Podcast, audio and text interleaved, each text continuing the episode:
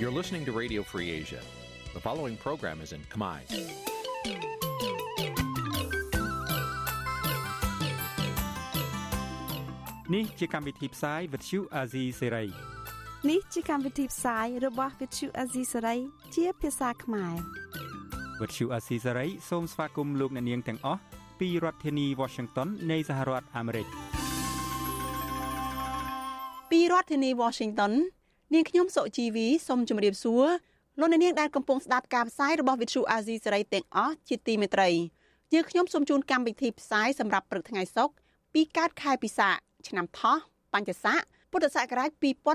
2566ត្រូវនៅថ្ងៃទី21ខែមេសាគ្រិស្តសករាជ2023ជាដំបូងនេះសូមអញ្ជើញលោកអ្នកនាងស្ដាប់ព័ត៌មានប្រចាំថ្ងៃដែលមានមេត្តាដូចតទៅ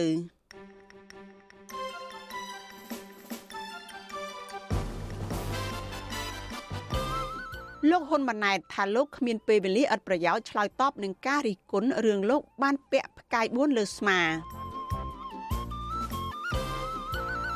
មន្ត្រីសង្គមស៊ីវិលជំរុញឲ្យពលរដ្ឋស្វែងយល់ពីអ្នកនយោបាយឲ្យបានច្បាស់កុំបោះឆ្នោតតាមគ្នាសង្គមស៊ីវិលថាតុលាការខេត្តត្បូងឃ្មុំក៏ហៅពលរដ្ឋ3នាក់ទៅបំភ្លឺដើម្បីបំបាក់ស្មារតីកុំឲ្យហ៊ានតវ៉ារឿងដីធ្លី ប្រេកសម័យបារាំងនៅខេត្តស្វាយរៀងរបូតទៅវៀតណាមកាន់កាប់ក្រោយបោះបង្គោលព្រំដែនរួមរឿងព័ត៌មានសំខាន់សំខាន់មួយចំនួនទៀតចាស់ជាបន្តទៅទៀតនេះនាងខ្ញុំសុជីវីសូមជូនព័ត៌មានទាំងនេះពិស្ដាលោកអ្នកនាងជាទីមេត្រីរដ្ឋមន្ត្រីក្រសួងការពារជាតិលោកទាបាញ់កាលពីថ្ងៃទី20ខែមេសាម្សិលមិញបានបំពាក់ឋានន្តរស័ក្តិនាយឧត្តមសេនីយ៍ទៅដល់កូនប្រុសរបស់លោកយមត្រីហ៊ុនសែនគឺលោកហ៊ុនម៉ាណែត អ្នកវិភាគនយោបាយលើកឡើងថាការបំពាក់ស័ក្តិផ្កាយមាស4ទៅដល់លោកហ៊ុនម៉ាណែតនេះគឺជាផែនការទុច្ចរិតរបស់លោកហ៊ុនសែនដើម្បីត្រៀមពេលលោកហ៊ុនម៉ាណែតក្លាយជានាយករដ្ឋមន្ត្រីចាលោកលេងម៉ាលី មានសេចក្តីរាយការណ៍អំពីរឿងនេះការដំឡើងឋានន្តរស័ក្តិផ្កាយមាស4ទៅដល់កូនប្រុសច្បងលោកនាយករដ្ឋមន្ត្រីហ៊ុនសែនត្រូវបានគេមើលឃើញថាធ្វើឡើងក្រោមរូបភាពមិនមានតម្លាភាពនិងគ្រាន់តែជាការពង្រីកអំណាចយោធារបស់ត្រកូលហ៊ុន ក្នុងក្រសួងការពារជាតិលោកទាបាញ់បានបំពាក់ឋានន្តរស័ក្តិនាយឧត្តមសេនីយ៍ផ្កាយមាស4ទៅដល់លោកហ៊ុនម៉ាណែត ជាផ្លូវការនៅថ្ងៃទី20មេសានៅវិមានសន្តិភាពរាជធានីភ្នំពេញក្នុងពិធីបំពាក់ឋានន្តរស័ក្តិនេះលោកទាបាញ់ក៏បានបំពាក់ឋានន្តរស័ក្តិទៅដល់មន្ត្រីជាន់ខ្ពស់ជាស្ត្រីក្នុងវិស័យយោធាដែលធ្លាប់រងការរិះគន់ថាជាក្រុមមនុស្សចំណិតរបស់លោកហ៊ុនម៉ាណែតដែរស្ត្រីទាំងពីររូបនោះ រួមមានរដ្ឋលេខាធិការក្រសួងការពារជាតិអ្នកស្រីដាំដារិនីត្រូវបានដំឡើងឋានន្តរស័ក្តិទៅជានាយឧត្តមសេនីយ៍ផ្កាយមាស4និងអនុរដ្ឋលេខាធិការក្រសួងការពារជាតិអ្នកស្រីម៉ាលីសុជាតាត្រូវបានដំឡើងទៅជាឧត្តមសេនីយ៍ឯកផ្កាយមាស3លោកទាបាញ់បានលើកឡើងថាការដំឡើងឋានន្តរស័ក្តិទៅដល់លោកហ៊ុនម៉ាណែតនេះមានសារៈសំខាន់និងចាំបាច់សម្រាប់ការរៀបចំនាយទាហានបន្តវេនភ្លាមភ្លាមបន្ទាប់ពីទទួលបានការតែងតាំង លោកហ៊ុនម៉ាណែតក៏បានបង្ហោះសារថ្លែងអំណរគុណទៅដល់អង្គព្រះមហាក្សត្រនៅលើ Facebook ផេកផ្ទាល់ខ្លួន នៅថ្ងៃទី20មេសាផងដែរបន្ទាប់ពីថ្លែងអំណរគុណទៅដល់អង្គព្រះមហាក្សត្រលោកហ៊ុនម៉ាណែតក៏បានថ្លែងអំណរគុណទៅដល់ប្រធានគណៈបកប្រជាជនកម្ពុជា ដែលដែលជាឪពុករបស់លោក គឺលោកហ៊ុនសែនដែលបានផ្ដល់ទំនុកចិត្តដំឡើងឋានន្តរស័ក្តិដល់លោកដែររួចទើបលោកអគុណលោកទាបាញ់និងអគ្គមេបញ្ជាការនៃកងយោធពលខេមរៈភូមិន្ទ លោកវងពិសេនតាមក្រោយដោយឡែកនៅក្នុងការបង្ហោះសារដាច់ដោយឡែកមួយទៀតលោកហ៊ុនម៉ាណែតបានប្រើប្រាស់ពាក្យក្នុងន័យឌឺដងទៅដល់អ្នកដែលរិះគន់លោកថាសម្រាប់អ្នកដែលទើសចំពោះការដំឡើងឋានន្តរស័ក្តិលោកសូមបន្តឆ្ងល់និងទើសទៀតចុះព្រោះលោកគ្មានពេលវេលាសម្រាប់ការបកស្រាយនោះឡើយជុំវិញរឿងនេះអ្នកវិភាគនយោបាយលោកកឹមសុខយល់ឃើញថាក្រៅពីមិនមានតម្លាភាពក្នុងការដំឡើងឋានន្តរស័ក្តិការដំឡើងផ្កាយមាស4ដល់លោកហ៊ុនម៉ាណែតនេះ ក៏ជាផែនការទុច្ចរិតរបស់គ្រួសារត្រកូលហ៊ុនក្នុងការរក្សាអធិបុលក្នុងវិស័យយោធាផងដែរមុននឹងកូនប្រុសច្បងលោកហ៊ុនសែនរូបនេះលាលែងពីតំណែងទៅឈរឈ្មោះជាបេក្ខជនតំណាងរាស្ត្រក្នុងការបោះឆ្នោតនៅពេលខាងមុខលោកបន្ថែមថាលោកហ៊ុនម៉ាណែតគឺជាអគ្គមេបញ្ជាការកងទ័ពជើងគោកដែលអសមត្ថភាពក្នុងការការពារជាតិព្រោះនៅពេលកងទ័ពវៀតណាមចូលបោះតង់និងសាងសង់សំណង់រឹងមាំនៅលើទឹកដីកម្ពុជាកាលពីពេលកន្លងទៅ លោកបណ្ដាលមានអន្តរាគមន៍នោះឡើយប៉ុន្តែបែរជាអោនលំទោននិងព្យាយាមបង្កើនទំនាក់ទំនងជាមួយកងទ័ពជើងគោកវៀតណាមទៅវិញហើយម្យ៉ាងវិញទៀតកងទ័ពស្ថិតនៅក្រោមការដឹកនាំរបស់ហ៊ុនម៉ាណែតអត់មានធ្វើអ្វីក្រៅតែពីជួយជ្រោមជ្រែងមហិច្ឆតាឈ្លានពានរបស់កងទ័ពវៀតណាមមកលើកម្ពុជាហើយហ៊ុនម៉ាណែតខ្លួនឯងនៅពីក្រោយពួកឧត្តមសេនីយកងទ័ពដែល ប្លន់ដីធ្លីប្រជាពលរដ្ឋធ្វើបាបប្រជាពលរដ្ឋវាយប្រជាពលរដ្ឋហូចឈាមខ្លះដល់ជីវិតហើយនឹងកាប់បំផ្លាញព្រៃឈើប្រណិត នៅទូទាំងព្រះរាជាណាចក្រកម្ពុជាជុំវិញរឿងនេះដែរអតីតតំណាងរាជគណៈបកសង្គ្រោះជាតិលោកអ៊ុំសំអានយល់ឃើញថាការដំឡើងឋានន្តរស័ក្តិផ្កាយមាស4ទៅដល់លោកហ៊ុនម៉ាណែតមិនមែនជាការផ្ដាល់កិត្តិយសទៅដល់លោកហ៊ុនម៉ាណែតនោះឡើយព្រោះស័ក្តិដែលលោកហ៊ុនម៉ាណែតទទួលបាននេះបានមកពីឥទ្ធិពលរបស់ឪពុកលោកតែប៉ុណ្ណោះ លោកបន្ថែមថាប្រការដែលលោកហ៊ុនម៉ាណែតមិនព្រមពាក់ផ្កាយ4បន្ទាប់ពីអង្គព្រះមហាក្សត្រដំឡើងឲ្យលោកតាំងពីថ្ងៃទី17ខែមីនាមកក៏ជាការប្រមាថដល់អង្គព្រះមហាក្សត្រដែរ។ មិនមានប្រយោជន៍អ្វីទៅដល់ប្រទេសជានោះទេផ្ទុយទៅវិញវាធ្វើឲ្យផ្កាយហ្នឹងទៅជាអតិប្រណាផ្កាយមានផ្កាយទៅជាគ្មានន័យព្រោះផ្កាយហ្នឹងមិនមានកើតបានដោយសារការតស៊ូវិគុណសម្បត្តិឬអតីតភាពរបស់គាត់ដែលសំទទួលនៅផ្កាយ4នោះទេបេក្ខភាពនាយករដ្ឋមន្ត្រីស៊ីកេឪពុកលោកហ៊ុនម៉ាណែតត្រូវបានគេមើលឃើញថាបានយកគំរូដឹកនាំបែបផ្ដាច់ការពីឪពុករបស់លោក ដោយបានពង្រឹងឥទ្ធិពលរបស់ខ្លួនក្នុងវិស័យយោធាមុននឹងប្រឡូកចូលក្នុងការប្រកួតប្រជែងនយោបាយបើទោះបីជាលោកហ៊ុនម៉ាណែតនិងមន្ត្រីគណៈបកប្រជាជនកម្ពុជាតែងតែអះអាងថា ការដំឡើងឋានន្តរស័ក្តិទៅដល់លោកធ្វើឡើងដោយភាពត្រឹមត្រូវក្តីក៏អ្នកវិភាគនយោបាយលើកឡើងថាបើគ្មានឪពុកជានាយករដ្ឋមន្ត្រីជាអ្នកជ្រោមជ្រែងនោះលោកហ៊ុនម៉ាណែតនឹងមិនអាចកាន់តួនាទីសំខាន់សំខាន់និងឡើងស័ក្តិលឿនដូចនេះឡើយ ខ្ញុំបាទលេងម៉ាលីវិទ្យុអាស៊ីសេរីពីរដ្ឋធានី Washington លោកអ្នកនាងកញ្ញាជាទីមេត្រីចាសសូមបន្តតាមដានការផ្សាយរបស់យើងតទៅទៀតចាប់ព័ត៌មានជាបន្តទៅទៀតនេះតកតនឹងលោកហ៊ុនសែនបន្តត្អូញត្អែរឿងមន្ត្រីថ្នាក់ក្រោមរបស់លោកអសកម្មលោកនាយកត្រីហ៊ុនសែនត្អូញត្អែជាថ្មីទៀតថាមន្ត្រីថ្នាក់ក្រោមរបស់លោកមួយចំនួនអសកម្មឬយឺតយ៉ាវក្នុងការឆ្លើយតបជាមួយលោកប៉ុន្តែលោកថាមានមន្ត្រីខ្លះឆ្លើយតបលឿនខុសទំនង ដោយមិនទាន់បានមើលខ្លឹមសារនៃសាររបស់លោកផងមន្ត្រីសង្គមស៊ីវិលរិះគន់ថាករណីកូនចៅបំពេញការងារមិនបានល្អដដែលដដែលបែបនេះអាចមកពីចៅហ្វាយមិនចេះគ្រប់គ្រងកូនចៅរបស់ខ្លួនលោកនាយរដ្ឋមន្ត្រីហ៊ុនសែនបន្តទម្លាយភាពអសកម្មនៃមន្ត្រីជាន់ខ្ពស់របស់លោកជាថ្មីម្ដងទៀតរដ្ឋមន្ត្រីក្រសួងព័ត៌មានលោកខៀវកញ្ញរិទ្ធជាប់ជារដ្ឋមន្ត្រីស្ពឹកជាងគេនៅក្នុងការឆ្លើយតបជាមួយចៅហ្វាយរបស់ខ្លួន គឺលោកនាយរដ្ឋមន្ត្រីហ៊ុនសែនលោកហ៊ុនសែនទម្លាយថា រដ្ឋមន្ត្រីក្រសួងព័ត៌មានរូបនេះទម្រាំឆ្លើយសាររបស់លោកម្ដងម្ដងត្រូវប្រើរយៈពេលពី7ទៅ15ថ្ងៃឯណោះលោកហ៊ុនសែនបានដឹងទៀតថារដ្ឋលេខាធិការនៃទីស្តីការគណៈរដ្ឋមន្ត្រីម្នាក់ទៀតគឺលោកសយសុខាក៏ជាមន្ត្រីឆ្លើយតបសាររបស់លោកយឺតដែរតែនៅក្រាន់បើជាងលោកខៀវកញ្ញរិទ្ធបន្តិច។ ប៉ុន្តែមានមន្ត្រីយើងខ្លះខ្ជិលរដ្ឋមន្ត្រីថ្នាក់រដ្ឋមន្ត្រីដែលបញ្ចូលក្នុងក្រុមពេលខ្ញុំបញ្ជូនសារចូលទៅក្នុងនោះជួនកាល7ថ្ងៃក្រោយបានទទួលបានសូមអរគុណឥឡូវបើកមើលឡើងវិញអ្នកកតុយក្រោយគេអ្នកកតុយក្រោយគេគឺកញ្ញារិទ្ធមើលមើលទៅក្នុងក្រុមនោះអញ្ចឹងទេដល់ទៅរដ្ឋមន្ត្រីព័ត៌មានអត់មើលអត់កាន់ទូរស័ព្ទឲ្យវាយទៅគាត់ក៏មិនងាយទេលោកហ៊ុនសែនលើកឡើងដូចនេះនៅក្នុងពិធីដាក់ឲ្យប្រើប្រាស់អាគារសម្ភពនៃមន្ទីរពេទ្យកុមារជាតិក្នុងរាជធានីភ្នំពេញ នៅថ្ងៃទី20ខែមេសាក្រៅពីមន្ត្រីឆ្លើយតបសារយឺតពេលក៏មានមន្ត្រីខ្លះឆ្លើយតបសាររបស់លោកហ៊ុនសែនទាំងមិនបានដឹងខ្លឹមសារនៃសារនោះផងដែរលោកហ៊ុនសែនឲ្យដឹងទៀតថាមន្ត្រីទាំងនោះគឺរដ្ឋមន្ត្រីក្រសួងផែនការលោកឆៃថននិងទីប្រឹក្សារដ្ឋាភិបាលនិងជាអតីតប្រធានក្រុមប្រឹក្សាធម្មនុញ្ញលោកឯកសំអល់នេះមិនមែនជាលើកទី1ទេដែលលោកហ៊ុនសែនត្អូញត្អែពីការបំពេញការងាររបស់មន្ត្រីថ្នាក់ក្រោមរបស់លោក ដែលបំពេញការងារមិនបានល្អមិនបានពិនិត្យឲ្យបានល្អិតល្អន់ឬឆ្លើយតបសាររបស់លោកមិនទាន់សភាពការកន្លងទៅលោកហ៊ុនសែនបានស្ដីបន្ទោសរដ្ឋមន្ត្រីមួយចំនួនដែលបញ្ជូនការងារឬឯកសារមកលោកទាំងមិនបានពិនិត្យអក្ខរាវិរុទ្ធនិងមិនបានចុះថ្ងៃខែច្បាស់លាស់ជាដើម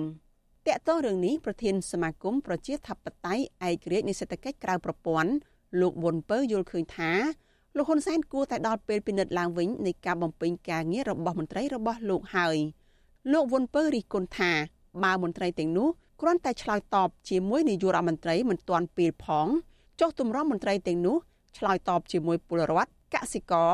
និងកម្មករតើពួកគាត់នឹងអូសបន្លាយពេលវេលាបែបណាលោកបន្តទៀតថាអាណត្តិក្រោយនេះលោកហ៊ុនសែនគួរតែបដូរមន្ត្រីអសកម្មមួយចំនួនចេញដាក់រដ្ឋមន្ត្រីថ្មី ដែលសកម្មនឹងការងារនិងមានជំនាញច្បាស់លាស់ រដ្ឋមន្ត្រីទាំងអស់នោះគ្រាន់តែឆ្លើយទៅប្រមុខរដ្ឋាភិបាលមានការយឺតយ៉ាវវាធ្វើឲ្យប្រជាពលរដ្ឋមួយចំនួនធុញទ្រាន់ទៅនឹងសេវាទាំងឡាយណាដែលដែលការឆ្លើយតបទៅនឹងតម្រូវការប្រជាពលរដ្ឋមានការយឺតយ៉ាវធ្វើឲ្យប្រជាពលរដ្ឋមួយចំនួនអស់សង្ឃឹមទៅនឹងការពឹងទៅលើរដ្ឋមន្ត្រីទាំងអស់នោះហើយអញ្ចឹងហើយដែលស្រុកយើងនៅពេលដែលមានបញ្ហាកើតឡើងគឺប្រជាពលរដ្ឋតែងតែអំពាវនាវក៏ដូចជាសំណុំពរទៅប្រមុខរដ្ឋាភិបាលឲ្យដោះស្រាយដោយផ្ទាល់ ចំណែកប្រធានសមាគមសម្ព័ន្ធនិស្សិតបញ្ញវន្តខ្មែរលោកកើតសរាយយល់ថាបញ្ហាកើតឡើងដដែលដដែលបែបនេះជាការបង្ហាញពីភាពខ្វះការទទួលខុសត្រូវរបស់រដ្ឋមន្ត្រីដែលស្ថិតនៅក្នុងការគ្រប់គ្រងរបស់លោកហ៊ុនសែននិងចំណុចសំខាន់មួយទៀតក៏អាចមកពីលោកហ៊ុនសែនខ្លួនឯងដែរដែលគ្រប់គ្រងមន្ត្រីថ្នាក់ក្រោមរបស់ខ្លួនមិនបានល្អលោកកើតសរាយកត់សម្គាល់ទៀតថាកន្លងមក ការចាត់ចែងការងាររបស់លោកហ៊ុនសែន ហាក់មិនបានរៀបចំប្រព័ន្ធការងារឲ្យបានច្បាស់លាស់ទេ តែជាការបំពេញការងារតាមបែបមិត្តភ័ក្តិទៅវិញ។ យើងដឹងហើយទូនាទីរដ្ឋមន្ត្រីហ្នឹងគឺស្រួលណាស់มันមានពេលទំនេរទេហើយជាពិសេសហ្នឹងគឺការប្រតិកម្មជាមួយនឹងកិច្ចការងារថ្នាក់លើរបស់ខ្លួនហ្នឹងគឺត្រូវត្រៀមខ្លួនសឹង20លើ24ម៉ោងណានៅពេលដែលគាត់តែឆ្លើយជាមួយនឹងនាយករដ្ឋមន្ត្រីដែលជាថ្នាក់លើថ្នាក់ដឹកនាំកម្ពុជារបស់ខ្លួនហើយធ្វើឲ្យមានភាពយឺតយ៉ាវអាហ្នឹងវាបង្ហាញអំពីការខ្វះពីទំនួលខុសត្រូវរបស់រដ្ឋមន្ត្រីនិងខ្លួនឯងផ្ទាល់ផងក៏វាបង្ហាញអំពី ការរបៀបហៅថាភាពខ្វះខាតនៃការគ្រប់គ្រងរបស់លោកនាយករដ្ឋមន្ត្រីហ៊ុនសែនផងដែរលោកហ៊ុនសែនចាប់ផ្ដើមបង្ហាញភាពអសកម្មនៃមន្ត្រីថ្នាក់ក្រោមរបស់លោកជាបន្តបន្ទាប់នៅពេលនេះខណៈលោកកំពុងត្រួសត្រាយផ្លូវឲ្យកូនប្រុសច្បងរបស់លោកគឺលោកហ៊ុនម៉ាណែតត្រៀមអង្គុយកៅអីនាយករដ្ឋមន្ត្រីជំនួសរូបលោកលោកហ៊ុនម៉ាណែតត្រូវបានគណៈបកប្រជាជនកម្ពុជាទទួលស្គាល់ជាបេក្ខភាពនាយករដ្ឋមន្ត្រីអនាគតលោកក៏ជាបេក្ខជនតំណាងរាស្ត្រឈរលេខរៀងលេខ1 នៅមណ្ឌលភ្នំពេញរបស់គណៈបកនេះសម្រាប់ចូលរួមប្រកួតប្រជែងក្នុងការបោះឆ្នោតនៅថ្ងៃទី23ខែកក្កដាខាងមុខនេះផងដែរលោកហ៊ុនសែនក៏ធ្លាប់អះអាងដែរថាលោកបានត្រៀមគណៈរដ្ឋមន្ត្រីថ្មីរួចហើយដែលមានមន្ត្រីជាក្មេងចំនួនក្រោយអាយុក្រោម60ឆ្នាំ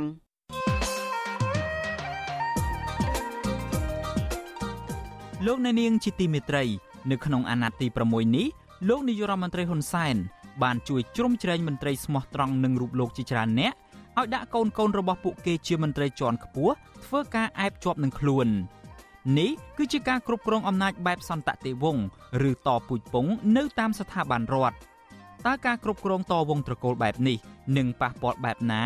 ទៅដល់ឱកាសនិងអនាគតរបស់យុវជនតើយុវជនត្រូវធ្វើយ៉ាងណា នៅពេលប្រទេសជាតិរបស់ខ្លួន ហាក់ដូចជាត្រូវបានក្រុមអ្នកកាន់អំណាចយកមកធ្វើជាកម្មសិទ្ធិរបស់ខ្លួនដោយសពថ្ងៃនេះបាទនេះគឺជាប្រធានបទនៃវេទិកាអ្នកស្ដាប់វិទ្យុអាស៊ីសេរីនាយប់ថ្ងៃសុក្រទី21ខែមេសានេះបាទប្រសិនបើលោកអ្នកនាងមានសំណួរចង់សួរវាគ្មិនរបស់យើងឬមួយក៏ចង់ចូលរួមបញ្ចេញមតិយោបល់លោកអ្នកនាងអាចដាក់លេខទូរស័ព្ទរបស់លោកអ្នកនាងនៅក្នុងខ្ទង់ comment Facebook និង YouTube របស់ Vuthu Azizi Serai នៅពេលកំពុងផ្សាយផ្ទាល់នោះក្រុមការងាររបស់យើងនឹងហៅទៅលោកអ្នកនាងវិញ បាទសូមអរគុណ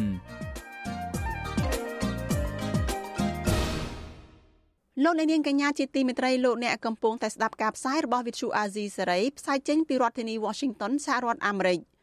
មន្ត្រីសង្គមស៊ីវិលចាត់ទុកបទចោទប្រកាន់របស់តុលាការខេត្តត្បូងឃ្មុំថាជាការបំបាក់ស្មារតីពលរដ្ឋកុំឲ្យហ៊ានចេញតវ៉ារឿងដីធ្លីនៅជាប់ព្រំដែនកម្ពុជាវៀតណាមការលើកឡើងនេះធ្វើឡើងបន្ទាប់ពីមានតំណាងពលរដ្ឋមានចំនួនដីធ្លី3នាក់ បានចូលទៅបំភ្លឺតាមដីកាកោះហៅរបស់តុលាការពាក់ព័ន្ធនឹងការចូលទៅកាន់កាប់ដីស្រែរបស់ពួកគាត់ប៉ុន្តែត្រូវបានអាជ្ញាធរមូលដ្ឋានអះអាងថាជាដីរបស់រដ្ឋអ្នកស្រីម៉ៅសុធានីរាយការណ៍ព័ត៌មាននេះមន្ត្រីសង្គមស៊ីវិលយល់ឃើញថាបទចោតប្រកាន់លើបរដ្ឋដែលហ៊ានតវ៉ារឿងដីធ្លីនៅខេត្តត្បូងឃ្មុំគ្រាន់តែជាវិធីសាស្ត្រដ៏ពេញនិយមដែលអាជ្ញាធរតែងតែយកទៅប្រើប្រាស់ដើម្បីបំបាក់ស្មារតីសកម្មជនដីធ្លីសកម្មជនបរិស្ថាន និងសកម្មជនសិទ្ធិមនុស្សមន្ត្រីជាន់ខ្ពស់ផ្នែកតម្របតម្រួននៃសមាគមសម្ព័ន្ធសហគមន៍កសិករកម្ពុជា លោកញិលភៀបប្រពន្ធស៊ីស្រីនៅថ្ងៃទី20ខែមេសាថាបញ្ហានេះគឺកើតឡើងនៅទូទាំងប្រទេសចំពោះការប្រាស្រ័យប្រព័ន្ធតឡាការបំបាក់ស្មារតីពលរដ្ឋដែលហ៊ានប្រាស្រ័យសិទ្ធិជាមូលដ្ឋានរបស់ខ្លួនតវ៉ារឿងរំលោភបំពានដីធ្លីសកម្មភាពនៃបទចោតនេះគឺជាបទចោតដែល ពេញនិយមដែលគេយកមកប្រើប្រាស់ជាទូទៅមកលើសកម្មជនដីធ្លីក៏ដូចជាសកម្មជនបដិឋានសិទ្ធិមនុស្សទូទាំងប្រទេសរបស់យើងហ្នឹងហ្នឹងហើយហើយវាអត់មានអីចម្លែកទេហ្នឹងហើយសម្រាប់ស្រុកយើងនេះការលើកឡើងរបស់មន្ត្រីសង្គមស៊ីវិលរូបនេះកើតឡើងនៅបន្ទាប់ពីតំណាងបរដ្ឋមានបញ្ហាដីធ្លីនៅក្នុងស្រុកមេមត់ចំនួន3នាក់រួមមានលោកសុនសូលោកហុយមុននិងលោកផុសសុផលបានចូលខ្លួនទៅឆ្លើយបំភ្លឺនៅតុលាការខេត្តត្បូងឃ្មុំ ដែលម្នាក់ម្នាក់បានចូលបំភ្លឺកាលពីថ្ងៃទី18ខែមេសានិង2នាក់ទៀតបានចូលខ្លួនទៅឆ្លើយបំភ្លឺកាលពីថ្ងៃទី19ខែមេសាអាយកាអមតុលាការខេត្តត្បូងឃ្មុំលោកសូសុវិជា បានចេញនៃការកោះហៅបរដ្ឋទាំង3នាក់នោះឲ្យចូលខ្លួនបំភ្លឺពាក់ព័ន្ធនឹងករណីកັບទន្ទ្រានដីដែលខុសច្បាប់ នៅចំណុចភូមិច័ន្ទមូលឃុំច័ន្ទមូលស្រុកមេមត់ខេត្តត្បូងឃ្មុំ កាលពីថ្ងៃទី22ខែតុលារហូតដល់ខែធ្នូឆ្នាំ2022ប៉ុន្តែតំណាងបរដ្ឋបានអះអាងថាដីទាំងនោះគឺជាដីស្រែដែលពួកគាត់បានកាន់កាប់តាំងពីឆ្នាំ1979រហូតដល់ឆ្នាំ1998ក៏បានអាក់ខានចូលទៅប្រើប្រាស់ដីទាំងនោះបន្ទាប់ពីទាហានវៀតណាមបានចេញមកហាមឃាត់អំឡុងពេលដែលមិនទាន់មានការកំណត់និងបោះបង្គោលព្រំដែន លោកសុនសូអាយុ48ឆ្នាំដែលបានអះអាងថាមានដី2ហិកតានៅជាប់ព្រំដែនបានលើកឡើងថាក្រោយពីមានការស្ថាបនាផ្លូវក្រវ៉ាត់ព្រំដែននិងការបោះបង្គោលកំណត់ខ្សែបន្ទាត់ព្រំដែនរួចរាល់កាលពីឆ្នាំ2021ដីស្រែ35ហិកតារបស់អ្នកភូមិចំនួន21គ្រួសារដែលស្ថិតក្នុងឃុំច័ន្ទមូលស្រុកមេមត់មិនស្ថិតក្នុងទឹកដីវៀតណាមនោះឡើយលោកបន្តថានៅឆ្នាំ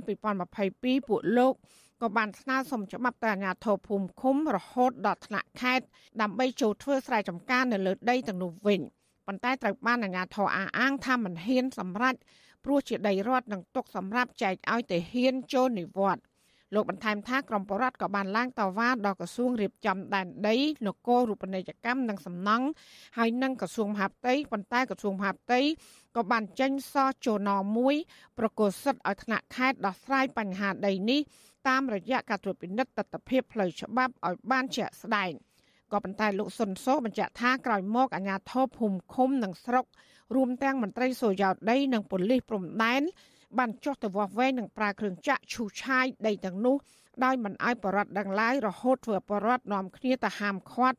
និងបានបង្ហាញសរចូលណរបស់ក្រសួងមហាផ្ទៃលោកបញ្ជាក់ថាក្រោយពីមានការតវ៉ាអភិបាលស្រុកក៏បានហៅក្រុមបរដ្ឋទៅជួបនៅសាលាឃុំ ឲ្យទទួលយកដីទទឹង30ម៉ែត្រនិងបណ្ដោយ40ម៉ែត្រក្នុងមួយគ្រួសារក៏ប៉ុន្តែត្រូវបានក្រុមបរដ្ឋបដិសេធហើយក៏មានការប្តឹងលោកនិងតំណាងពីអ្នកទៀតពីបាត់ទន្ទ្រានដីរដ្ឋខុសច្បាប់ទៅវិញ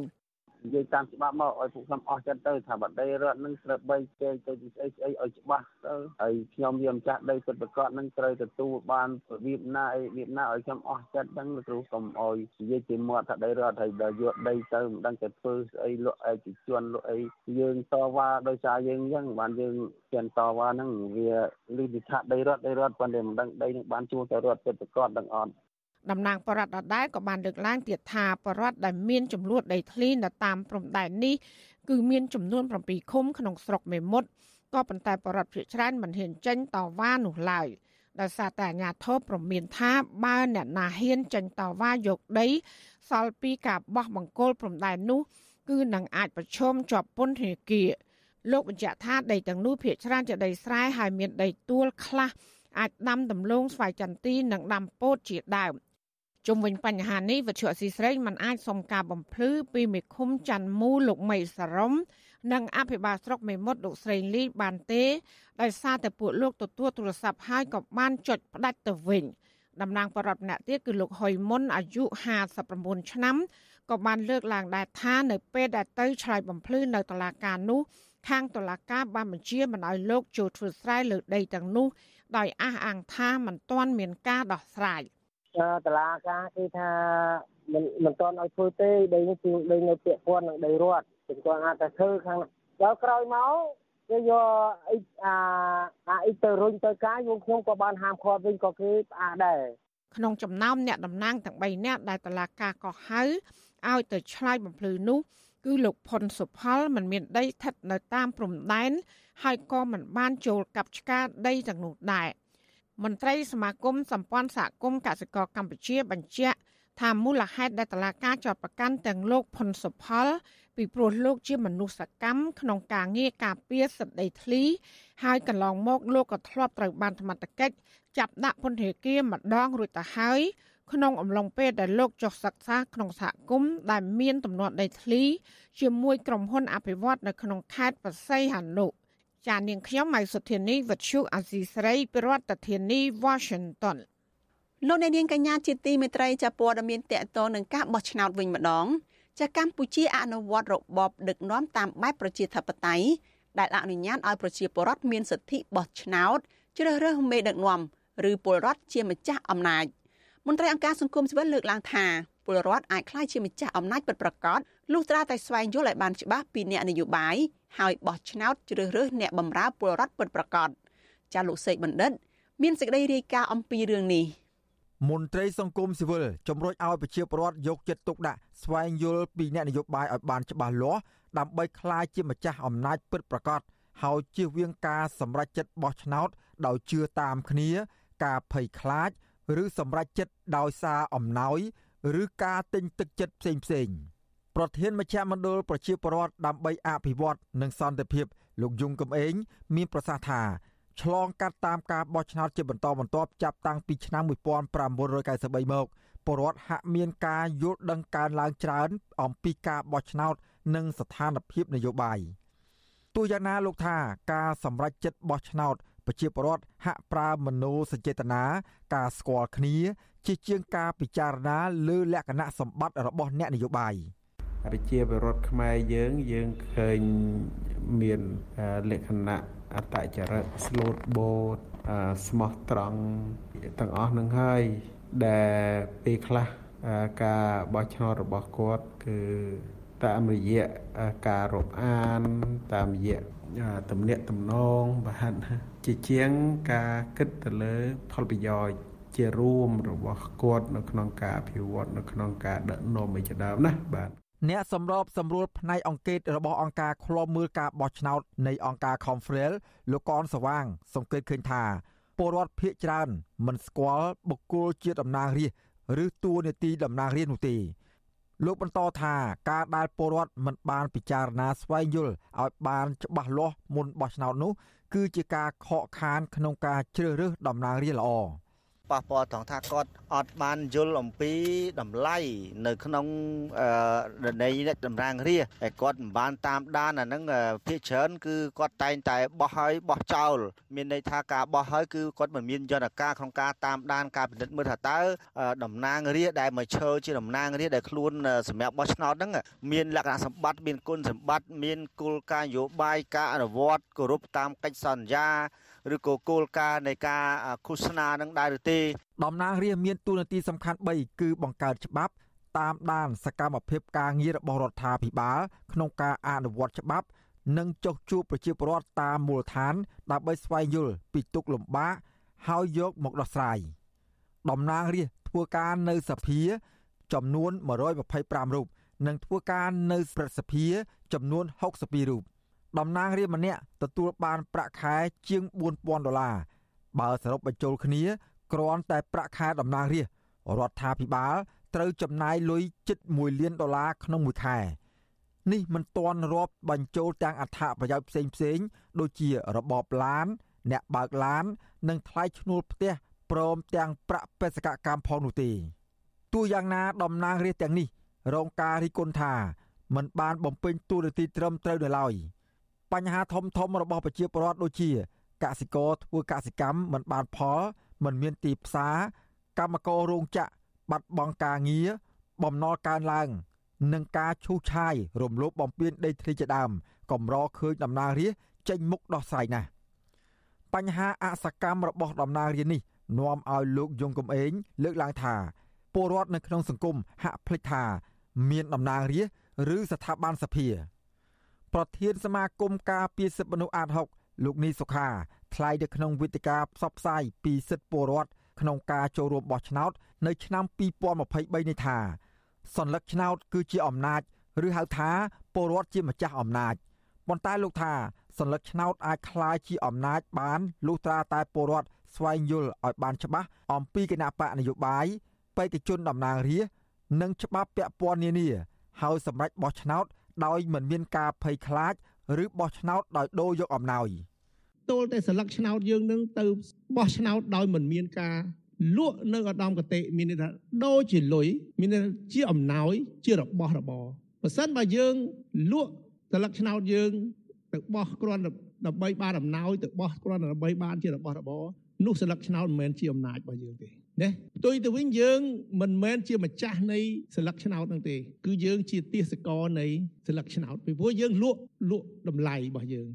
ចំណែកអ្នកនាំពាក្យគណៈកម្មាធិការជាតិរៀបចំការបោះឆ្នោតហៅកាត់ថាគោជបលោកហងពុធាថ្លែងថាគោជបមិនបានសិក្សាថាពលរដ្ឋប្រមាណភាគរយយល់ដឹងពីគណៈបកនយោបាយឬដំណើរការបោះឆ្នោតនោះទេ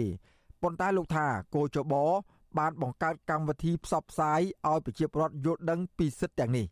កោជបបានបន្តក្រោយពីការផ្សព្វផ្សាយគឺមានរៀបចំម្ដងបណ្ដាលនៅតាមសាកលវិទ្យាល័យទាំងរដ្ឋទាំងឯកជនដើម្បីអ្នកចូលរួម ជានិស្សិតឬក៏ជាសិស្សដែលមានអាយុចាប់ពី18ឆ្នាំឡើងលោកខ្លាយទៅជាអ្នកផ្សព្វផ្សាយផ្ទាល់មាត់បន្តទៀតដល់ក្រុមគ្រួសារនៅតាមខេត្តឬក៏ក្រុមគ្រួសារនៃសង្គមជាតិទាំងមូលដើម្បីធានាថាព័ត៌មានស្តីពីការឆ្នោតនេះឯងគឺបានជួយជាតិទៅដល់ទៅតាមខ្នងផ្ទះនៃប្រជាពលរដ្ឋការបោះឆ្នោតជ្រើសតាំងតំណាងរាស្ត្រអាណត្តិទី7នឹងប្រព្រឹត្តទៅ នៅថ្ងៃទី23ខែកក្កដាខាងមុខនេះ។ របាយការណ៍កោជបឲ្យដឹងថាប្រជាពលរដ្ឋដែលមានឈ្មោះនៅក្នុងបញ្ជីបោះឆ្នោត មានចំនួន9លាន7សែននាក់ជុំវិញការយល់ដឹងរបស់ពលរដ្ឋអំពីការបោះឆ្នោត ហាក់ដូចជានៅទៀបដោយសារពលរដ្ឋនៅមានការភ័យខ្លាចពេលនិយាយអំពីរឿងនយោបាយហើយគណៈបកនយោបាយមួយចំនួន ជាពិសេសគណៈបកប្រជាជនកម្ពុជាដែលជាបកកាន់អំណាច នៅតែដើរបង្រៀនពលរដ្ឋឲ្យគូសរឹកឆ្នោតឲ្យខ្លួនខ្ញុំបាទសេកបណ្ឌិត វិទ្យុអាស៊ីសេរីពីរដ្ឋធានីវ៉ាស៊ីនតោនលោកអ្នកនាងកញ្ញាជាទីមេត្រីចាព័ត៌មានតកតងនឹងការតវ៉ារ៉ាំរ៉ៃរបស់កោតតកនៅក្រុមហ៊ុន Nagavel វិញម្ដងចាក្រុមកោតតក Nagavel ប្រមាណ50នាក់កាលពីរសៀលថ្ងៃទី20ខែមេសាម្សិលមិញបានបន្តទៀមទាដើម្បីឲ្យម្ចាស់ក្រុមហ៊ុនចេញមុខមកដោះស្រាយវិវាទការងារដែលបានអូសបន្លាយជាង1ឆ្នាំទៅហើយក្រុមកោតតកទាំងនោះបានឈរតម្រង់ជួរគ្នាជាជួរនៅលើខឿនផ្លូវ ខាងមុខក្រុមហ៊ុនបនលបែង Casino Nagavel ពួកគេកាន់រូបភាពម្ចាស់ភាគហ៊ុនធំធំរបស់ក្រុមហ៊ុន Nagavel រូបភាពកញ្ញាឈឹមស៊ីធនិងកាន់បដាមួយចំនួនផងដែរបដាពណ៌ខ្មៅមួយបានសរសេរដោយទឹកថ្នាំពណ៌មាសថាគុកគ្មានអ្វីគួរឲ្យខ្លាចតែអ្វីគួរឲ្យខ្លាចនោះគឺគ្មានសិទ្ធិសេរីភាពកោតកោ Nagavel ម្នាក់កញ្ញាសៀបញ្ញានិយាយថាអ្វីដែលក្រុមកោតកោនៅតែបន្តទៀមទានៅខាងមុខក្រុមហ៊ុន Nagavel នេះ គឺមកពីថៅកែក្រុមហ៊ុន Nagavel បញ្ឈប់ថ្នាក់ដឹកនាំសហជីពនិងរំលោភទៅលើច្បាប់ការងារ ជាមួយនឹងតកាណាកាវត្តដែលគេរំលោភបំពានសិទ្ធិការងាររបស់បងប្អូនកម្មករខ្មែរប្រជាពលរដ្ឋខ្មែរតែប៉ុណ្្នឹងឯងចាតកាណាតតកាណាកាវត្តចាគេរំលោភបំពានសិទ្ធិការងាររបស់បងប្អូនកម្មករខ្មែរឲ្យគេអាចរំលាយសម្លេងសហជីពឯករាជ្យនៅក្នុងក្រុមហ៊ុនណាកាវត្តបានចាបងប្អូនដែលធ្វើការតាមសហគ្រាសឬក៏តាមរោងចក្រចាបងប្អូនពិចារណាទៅថាកន្លែងធ្វើការមួយបើសិនជាអត់មានសហជីពការពារអត្ថប្រយោជន៍ការពារសិទ្ធិឲ្យបងប្អូនកម្មករខ្មែរតើកម្មករខ្មែរនឹងបាត់បង់អត្ថប្រយោជន៍គេខ្លះនឹងទទួលរងផលប៉ះពាល់អ្វីគេខ្លះអញ្ចឹងសង្ឃឹមថា បងប្អូនប្រជាពលរដ្ឋខ្មែរជាពិសេសបងប្អូនកម្មករខ្មែរយើងនឹងយល់ដឹងចាពាក់ព័ន្ធជាមួយនឹងសហជីពឯករាជ្យចាអញ្ចឹងថាពួកខ្ញុំព្យាយាមការពារសហជីពឯករាជ្យ LRSU ឲ្យមាននៅក្នុងក្រុមហ៊ុន Nagawal នេះខ្លាំងណាស់កញ្ញាចង់ឃើញក្រុមហ៊ុនទទួលយកតំណែងសហជីពទាំងអស់ឲ្យចូលធ្វើការវិញនិងគ្មានការរើសអើងសហជីពនៅក្នុងក្រុមហ៊ុនកញ្ញាសៀបញ្ញាបញ្ជាក់ថាការធ្វើកោតកម្មនេះមិនមានបុគ្គលណាញុះញង់និងបញ្ជាឲ្យមកធ្វើនោះទេពល គឺក្រុមកោតកោទាំងអស់ស្ម័គ្រចិត្តចេញមកទៀមទាដើម្បីឲ្យថៅកែចេញមកដោះស្រាយវិវាទការងារនេះក្រុមកោតកោបានធ្វើកោតកម្មទៀមទារកដំណោះស្រាយវិវាទការងាររបស់ពួកគេអស់រយៈពេលជាង1ឆ្នាំទៅហើយក៏ប៉ុន្តែត្រូវបានអាជ្ញាធរនិងក្រុមហ៊ុនរួមដៃគ្នាចោទប្រកាន់និងចាប់ខ្លួនតំណាងគណៈកម្មការដាក់គុកជាបន្តបន្ទាប់ដូចជាកញ្ញាឈឹមស៊ីធដែលពេលនេះកំពុងជាប់ឃុំនៅពន្ធនាគារព្រៃសរជាដើម ក្រុមអង្គការសង្គមស៊ីវិលនិងសហជីពជាតិអន្តរជាតិព្រមទាំងក្រុមប្រទេសប្រជាធិបតេយ្យផងសុទ្ធតែចាត់ទុកការចោទប្រកាន់និងការចាប់ខ្លួនតំណាងសហជីពក្រុមហ៊ុន Nagavel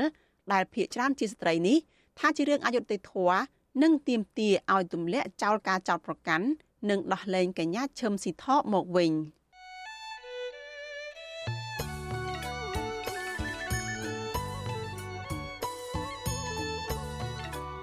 ចាលោកអ្នកនាងជាទីមេត្រីដំណើរគ្នានឹងស្ដាប់ការផ្សាយផ្ទាល់របស់ Vithu Azizi Serai តាមរយៈបណ្ដាញសង្គម Facebook និង YouTube នេះលោកអ្នកនាងក៏អាចស្ដាប់ការផ្សាយរបស់យើងនៅលើ Vithu រលកធាតុអាកាសខ្លីតាមកម្រិតនិងកម្ពស់ដូចតទៅនេះពេលព្រឹកចាប់ពីម៉ោង5កន្លះដល់ម៉ោង6កន្លះតាមរយៈ post SW 12.14 MHz ស្មើនឹងកម្ពស់ 25m និង post SW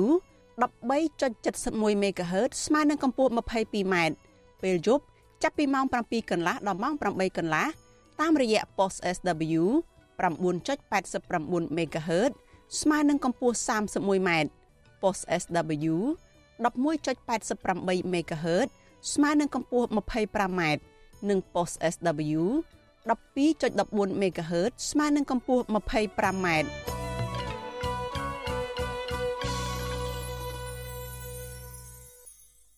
លោកអ្នកនាងកញ្ញាជាទីមេត្រីចាព័ត៌មានដាច់ដោយឡែកមួយទៀតប្រជាពលរដ្ឋរស់នៅតាមបណ្ដាខេត្តនិងក្នុងរាជធានីភ្នំពេញស្នើរដ្ឋាភិបាលពង្រីកទិសដៅនិងសេវារថយន្តក្រុងរបស់រដ្ឋពីទីក្រុងភ្នំពេញទៅតាមបណ្ដាខេត្តក្រុងនានាបន្ថែមទៀតដើម្បីកាត់បន្ថយការចំណាយពលគឺមិនគ្រាន់តែផ្ដល់សេវារថយន្តក្រុងដែលឥតគិតថ្លៃនៅក្នុងថ្ងៃបុណ្យចូលឆ្នាំឡើយមន្ត្រីសង្គមស៊ីវិលថាការពង្រីកវិស័យដឹកជញ្ជូនសាធារណៈនឹងធ្វើឲ្យសេវាដឹកជញ្ជូននៅកម្ពុជា មានភាពល្អប្រសើរ។ ចាលោកយ៉ងច័ន្ទតារា មានសេចក្តីរាយការណ៍អំពីរឿងនេះបន្ទាប់ពីអាជ្ញាធររាជធានីភ្នំពេញបញ្ចេញឡានក្រុងសាធារណៈជិត300គ្រឿងសម្រាប់ដឹកប្រជាពលរដ្ឋពីរាជធានីភ្នំពេញទៅបណ្ដាខេត្តនានាក្នុងឱកាសពិធីបុណ្យចូលឆ្នាំខ្មែរកន្លងទៅប្រជាពលរដ្ឋមួយចំនួនយល់ឃើញថារដ្ឋាភិបាលគួរតែពង្រីកសេវានេះទៅគ្រប់ខេត្តក្រុងដើម្បីសម្រួលទៅដល់ការធ្វើដំណើររបស់ប្រជាពលរដ្ឋប្រចាំថ្ងៃពលរដ្ឋរស់នៅរាជធានីភ្នំពេញមានដើមកំណើតមកពីខេត្តកោះកុង កញ្ញារុំស្រីណាតប្រាប់វិទ្យុអាស៊ីសេរីនៅថ្ងៃទី20ខែមេសាថាកញ្ញាធ្លាប់ជិះឡានក្រុងសាធារណៈជាច្រើនដង ដោយសារតែវាមានតម្លៃសមរម្យនិងមានផាសុកភាពកញ្ញាបន្តថាប្រសិនបរដ្ឋាភិបាលពង្រីកសេវារថយន្តក្រុងទៅតាមបណ្ដាខេត្តនានានោះវានឹងចូលរួមកាត់បន្ថយការចំណាយរបស់ប្រជាពលរដ្ឋបានច្រើន ជាពិសេសសម្រាប់អាជីវករដែលឡើងចុះមកលក់ដូរទំនិញនៅរាជធានីភ្នំពេញ។ បើសម្រាប់អ្នកដែលគ្នាខ្សត់ខ្សោយដែលត្រូវការឡើងចុះបំពេញញឹកញាប់អីឬក៏ជាអាជីវករមួយចំនួនអីគាត់អាចប្រើប្រាស់សេវាកម្មរដ្ឋនឹងគឺវាល្អមួយយ៉ាងដែរបើបើសិនជាអាចធ្វើបានគឺថាជួយច្រើនដល់ប្រជាពលរដ្ឋពួកអីយើងដឹងស្រាប់អីឡានទៅមកវាចំណាយជួនកាលអាចថាលើសអីដែលពួកគាត់រកបានក្នុងមួយថ្ងៃទៀតស្រដៀងគ្នានេះនិស្សិតមួយរូបដែលកំពុងសិក្សាក្នុងរាជធានីភ្នំពេញមានស្រុកកំណើតនៅខេត្តព្រះវិហារ គឺកញ្ញាប៉ូលីណាឲ្យដឹងថាសេវារថយន្តក្រុងសាធារណៈនៅរាជធានីភ្នំពេញមានភាពល្អប្រសើរទាំងការបើកបរនិងសុវត្ថិភាពកញ្ញាយល់ឃើញថាប្រសិនបរដ្ឋាភិបាលពង្រីកសេវារថយន្តនេះទៅតាមបណ្ដាខេត្តក្រៅតែពីថ្ងៃបុណ្យជាតិធំធំនោះវានឹងចូលរួមចំណែកដល់ការពន្លឿនការធ្វើដំណើររបស់ប្រជាពលរដ្ឋជាពិសេសកាត់បន្ថយការចំណាយទៅលើសេវាដឹកជញ្ជូនឯកជន ដែលមានតម្លៃថ្លៃ។ បើសិនជាមានទៅតាមខេត្តផ្សេងផ្សេងក្រៅពីបុណ្យភ្ជុំឬក៏បុណ្យទានអីផ្សេងផ្សេងអាហ្នឹងអាចនិយាយបានថាមានជារៀងរាល់ថ្ងៃហ្នឹងចំណាយរបស់ប្រជាពលរដ្ឋក៏តិចការធ្វើដំណើររបស់ពួកគាត់ក៏ងាយស្រួលដោយសារតែឥឡូវនេះបញ្ហាថ្លៃឡានឈ្នួលទៅតាមខេត្តតាមអីក៏មានការចំណាយច្រើនអាចពី30000រៀលទៅដល់20ដុល្លារ80000រៀលជាដើមនៅក្នុងពិធីបុណ្យចូលឆ្នាំខ្មែរថ្មីៗនេះរដ្ឋបាលរាជធានីភ្នំពេញ បានបញ្ចេញរថយន្តក្រុងចំនួន345គ្រឿងសម្រាប់ដឹកអ្នកដំណើរដោយបែងចែក70គ្រឿងដឹកជញ្ជូនប្រជាពលរដ្ឋនៅរាជធានីភ្នំពេញនិង275គ្រឿងទៀតសម្រាប់ដឹកជញ្ជូនប្រជាពលរដ្ឋពីរាជធានីភ្នំពេញទៅកាន់ខេត្តមួយចំនួនរបាយការណ៍របស់អាជ្ញាធរឲ្យដឹងថានៅក្នុងរយៈពេល5ថ្ងៃចាប់ពីថ្ងៃទី13ដល់ថ្ងៃទី17ខែមេសានៃការផ្តល់សេវាដឹកជញ្ជូនដោយឥតគិតថ្លៃនេះមានប្រជាពលរដ្ឋជិត50000នាក់ បានមកទទួលសេវារថយន្តក្រុងសាធារណៈនេះអញ្ញាធិបបញ្ជាក់ថាការសម្រួលដល់ប្រជាពលរដ្ឋនៅក្នុងការធ្វើដំណើរទៅលេងស្រុកកំណើតនៅក្នុងពិធីបុណ្យចូលឆ្នាំថ្មីដោយឥតគិតថ្លៃនេះគឺជាការចូលរួមចំណែកកាត់បន្ថយការចំណាយរបស់ប្រជាពលរដ្ឋមួយកម្រិតក៏ប៉ុន្តែអ្នកតាមដានស្ថានភាពសង្គមយល់ឃើញថានេះគឺជាការទាញយកប្រយោជន៍និងជាការទិញទឹកចិត្តប្រជាពលរដ្ឋនៅមុនការបោះឆ្នោត ពីព្រោះកន្លងទៅរដ្ឋាភិបាលមិនសូវយកចិត្តទុកដាក់ពង្រឹងវិស័យដឹកជញ្ជូនសាធារណៈនោះឡើយជុំវិញរឿងនេះប្រធានអង្គការសម្ព័ន្ធគណនេយ្យភាពសង្គមកម្ពុជា លោកសនជ័យសង្កេតឃើញថាសេវាដឹកជញ្ជូននៅកម្ពុជាភាគច្រើនសម្បូរតែវិស័យឯកជន ចំណែកសេវាដឹកជញ្ជូនសាធារណៈវិញរដ្ឋាភិបាលនៅមិនទាន់ពង្រីកឲ្យបានទូលំទូលាយនោះទេលោកយល់ឃើញថាការពង្រីកសេវាដឹកជញ្ជូនរបស់ប្រជាពលរដ្ឋនៅតាមបណ្ដាខេត្ត គឺជារឿងសំខាន់មួយនៅក្នុងការអភិវឌ្ឍសេវាដឹកជញ្ជូនឯកជន តាមរយៈការប្រកួតប្រជែងទៅលើតម្លៃនិងសេវាកម្មហើយប្រជាពលរដ្ឋគឺជាអ្នកទទួលបានផលប្រយោជន៍បើកម្ពុជាមានសេវារថយន្តក្រុងរបស់រដ្ឋសម្រាប់ការធ្វើដំណើរឆ្លងខេត្តគឺជារឿងល្អមួយគួរតែសាកល្បងធ្វើទៅដើម្បីឲ្យពលរដ្ឋនោះទទួលបាននៅអត្ថប្រយោជន៍ពីសេវាកម្មឡានក្រុងសាធារណៈរបស់រដ្ឋដែរណាសេវាដឹកជញ្ជូនសាធារណៈរថយន្តក្រុងនៅរាជធានីភ្នំពេញ ចាប់ផ្ដើមដំណើរការពីម៉ោង5កន្លះព្រឹកដល់ម៉ោង8កន្លះយប់ដោយតម្លៃសម្បត្តិគឺ1500រៀលក្នុងម្នាក់ឬមួយលើក ហើយតម្លៃនេះត្រូវបានលើកលែងចំពោះព្រះសង្ឃជនចាស់ជរា ជនពិការ កម្មករកម្មការិនីសិស្សនិស្សិតនិងកុមារដែលមានកម្ពស់ក្រោម1ម៉ែត្រប្រជាពលរដ្ឋនិងអង្គការសង្គមស៊ីវិលស្នើឲ្យរដ្ឋាភិបាលពង្រីកវិស័យដឹកជញ្ជូនសាធារណៈរបស់រដ្ឋឲ្យបានទៅគ្រប់ខេត្តក្រុងដើម្បីកាត់បន្ថយការចំណាយរបស់ប្រជាពលរដ្ឋ កាត់បន្ថយការកកស្ទះជាពិសេសគឺកាត់បន្ថយគ្រោះថ្នាក់ចរាចរណ៍ខ្ញុំយ៉ងច័ន្ទដារាវិទ្យុអាស៊ីសេរី Washington លោកអ្នកនាងជាទីមេត្រីព័ត៌មានតកតងនឹងមន្ត្រីកសិកម្មខ្មែរពាក់ព័ន្ធនឹងអំពើជួញដូរសត្វស្វាក្តាមវិញម្ដងតុលាការក្រុងម៉ៃអាមីរដ្ឋ Florida នៅសហរដ្ឋអាមេរិកក្រុងបើកសវនកម្មជាលើកដំបូងករណីមន្ត្រីជាន់ខ្ពស់ខ្មែរមួយរូបនៃក្រសួងកសិកម្មលោកគ្រីម៉ាផល ពីបទជួញដូរសត្វស្វាក្តាមខុសច្បាប់នៅថ្ងៃសុក្រទី21ខែមេសានេះនៅវេលាម៉ោង9ព្រឹកម៉ោងនៅសហរដ្ឋអាមេរិកតុលាការនឹងសម្រេចថាតើភ័ស្តុតាងដាក់បន្ទុកលើមន្ត្រីជាន់ខ្ពស់ខ្មែររូបនេះគួរធ្វើឡើងជាសាធារណៈឬបិទទ្វារទៅតាមការស្នើសុំរបស់មេធាវីការពារក្តីឲ្យលោកគ្រីម៉ាក់ផល សេចក្តីប្រកាសព័ត៌មានរបស់អង្គការមនុស្សសម្រាប់មើលថែសត្វប្រកបដោយសិលធម៌ឬហៅកាត់ថា PETA កាលពីថ្ងៃទី20ខែមេសាម្សិលមិញឲ្យដឹងថាអ្នកវិទ្យាសាស្ត្រនៃអង្គការ PETA លោកស្រីវិជ្ជបណ្ឌិត Liza Jones Angel គ្រងនឹងចូលរួមនៅក្នុងសវនកម្មនោះនិងលោកស្រីគ្រងនិយាយជាសាធារណៈក្រោយពីចប់សវនកម្មក្រសួងយុតិធធសហរដ្ឋអាមេរិកបានបើកការស៊ើបអង្កេតករណីជួញដូរសត្វស្វាក្តាមខុសច្បាប់នេះអស់រយៈពេល5ឆ្នាំ ដោយទីភ្នាក់ងារសត្វព្រៃនិងជលផលសហរដ្ឋអាមេរិកពីបទរត់ពន្ធសត្វស្វាក្តាមដែលជាប្រភេទសត្វស្វាជិតផុតពូជដែលបានចាប់ចេញពីព្រៃនៅក្នុងប្រទេសកម្ពុជា ដើម្បីយកទៅលក់នៅសហរដ្ឋអាមេរិកតាមរយៈការក្លែងបន្លំឯកសារមន្ត្រីខ្មែរជាន់ខ្ពស់ពីររូបទទួលបន្ទុកអភិរក្សសត្វព្រៃនៅកម្ពុជាត្រូវបានចោទប្រកាន់ពីបទចេញលិខិតអនុញ្ញាតក្លែងបន្លំលើការនាំចេញដោយបញ្ជាក់ថាសត្វស្វាក្តាមទាំងនោះជាប្រភេទពូជសត្វស្វាចិញ្ចឹម ប្រធាននាយកដ្ឋានសត្វព្រៃនិងជីវៈចម្រុះលោកគ្រីម៉ាផលត្រូវបានចាប់ខ្លួននៅអាកាសយានដ្ឋានអន្តរជាតិនៅក្រុងញូវយ៉កកាលពីខែវិច្ឆិកាឆ្នាំ2022ក្នុងពេលដែលលោកកំពុងធ្វើដំណើរទៅចូលរួមសន្និសីទអំពីការអភិរក្សសត្វព្រៃនៅប្រទេសប៉ាណាម៉ាចំណែកមន្ត្រីទី2មានឈ្មោះកៅអូម៉ាលីមានតួនាទីជាអគ្គនាយករដ្ឋបាលព្រៃឈើនៅកម្ពុជា ដែលជាចៅហ្វាយនៃផ្ទាល់របស់លោកគ្រីម៉ាផល កំពុងរស់នៅមានសេរីភាព នៅក្នុងប្រទេសកម្ពុជានៅឡើយ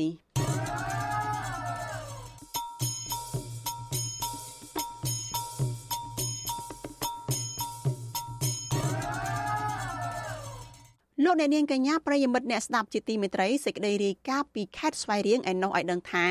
ព្រែកមួយខ្សែដែលមានប្រវែងរាប់រយគីឡូម៉ែត្រដែលបន្សល់ទុកតាំងពីសម័យបារាំងនៅក្នុងខេត្តស្វាយរៀងទល់នឹងខេត្តព្រៃវែងត្រូវបានភៀកគីវៀតណាមកាន់កាប់បន្ថែមទៀត ក្រោយកម្ពុជានិងវៀតណាមបានបោះបង្គោលព្រំដែនកាលពីឆ្នាំ2017នៅពេលកម្ពុជា មានវិបត្តិនយោបាយមន្ត្រីអង្គការសង្គមស៊ីវិលពន្យល់ថានៅគ្រាដែលប្រទេសមួយមានចំនួននយោបាយផ្ទៃក្នុងការកំណត់បង្គោលព្រំដែនរដ្ឋមិនអាចយកជាផ្លូវការបានឡើយ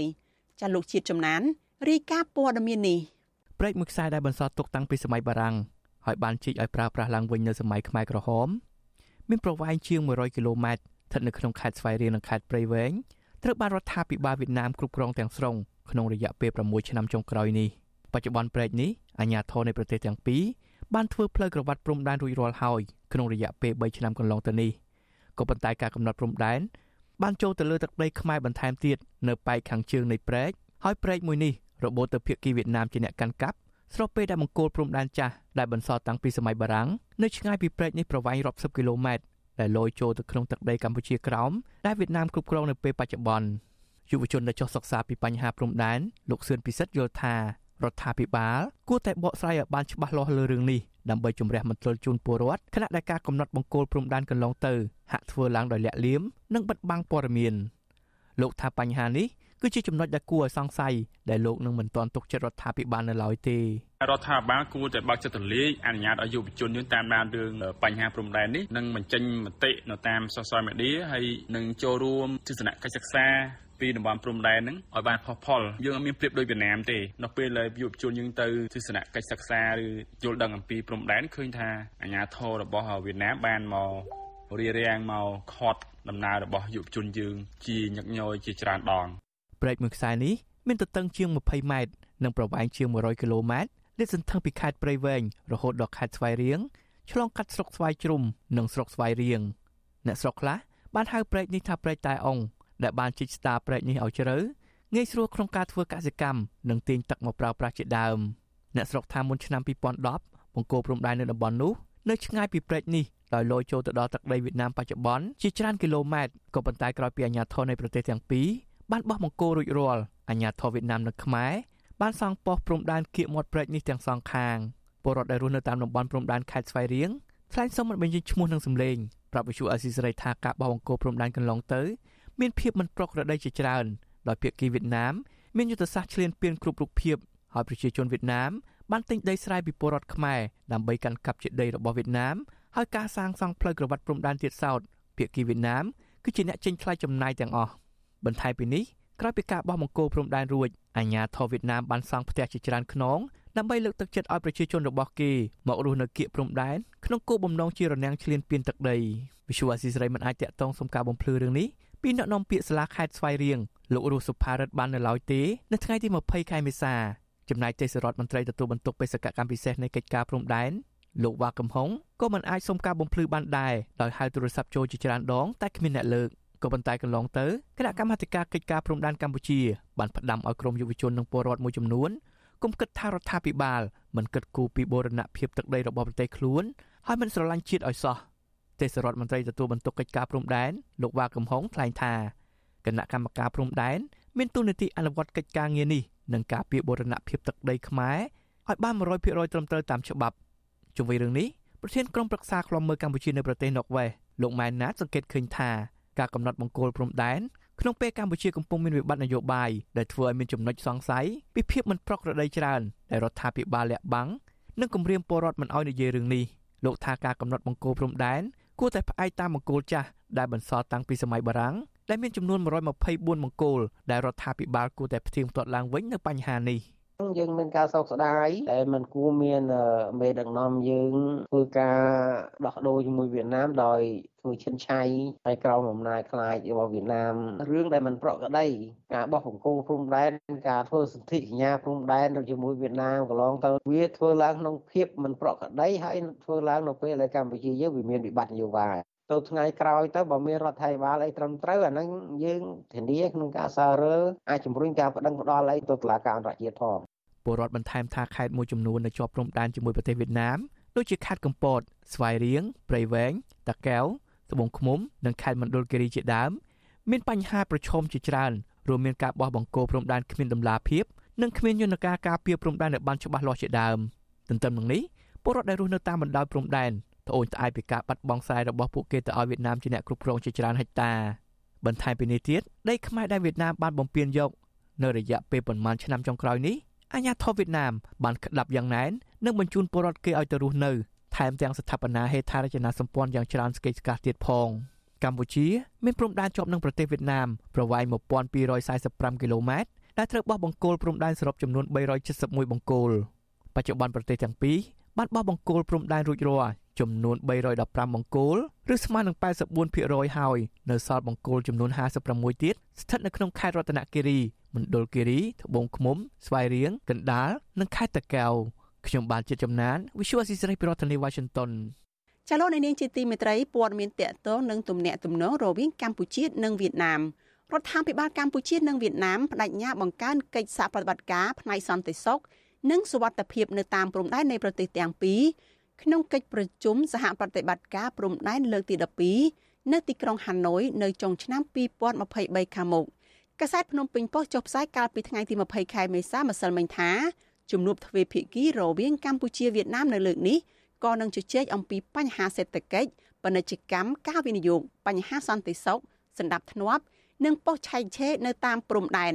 បន្ថែមពីនេះភាគីនៃប្រទេសទាំងពីរក៏នឹងពិភាក្សាអំពីបញ្ហារត់ពន្ធទំនិញខុសច្បាប់ និងទំនិញខូចគុណភាព រួមមានសាច់ត្រីបន្លែ និងផ្លែឈើជាដើមចាប់តាំងពីឆ្នាំ2004មកជំនួបទ្វេភាគីរវាងកម្ពុជាវៀតណាម បានធ្វើជាប្រចាំដែលបានបដូរវេនគ្នាឬរៀបចំកិច្ចប្រជុំនេះលើកលែងតែនៅក្នុងអំឡុងពេលនៃការរីករាលដាលជំងឺ Covid-19 ដែលបានជួបជជែកគ្នាតាមរយៈប្រព័ន្ធវីដេអូក្នុងជំនួបកាលពីខែវិច្ឆិកាឆ្នាំ2022កន្លងទៅនេះនឹងនាយករដ្ឋមន្ត្រីវៀតណាមលោកផាំមិញជីង បដិញ្ញាពង្រឹងទំនាក់ទំនងខ្លាំងថែមទៀតនិងពង្រីកសហប្រតិបត្តិការលើវិស័យមួយចំនួនរួមមានពាណិជ្ជកម្មឆ្លងដែននិងពង្រឹងទំនាក់ទំនងសេដ្ឋកិច្ចរវាងខេត្តនៅជាប់ព្រំដែននៃប្រទេសទាំងពីរ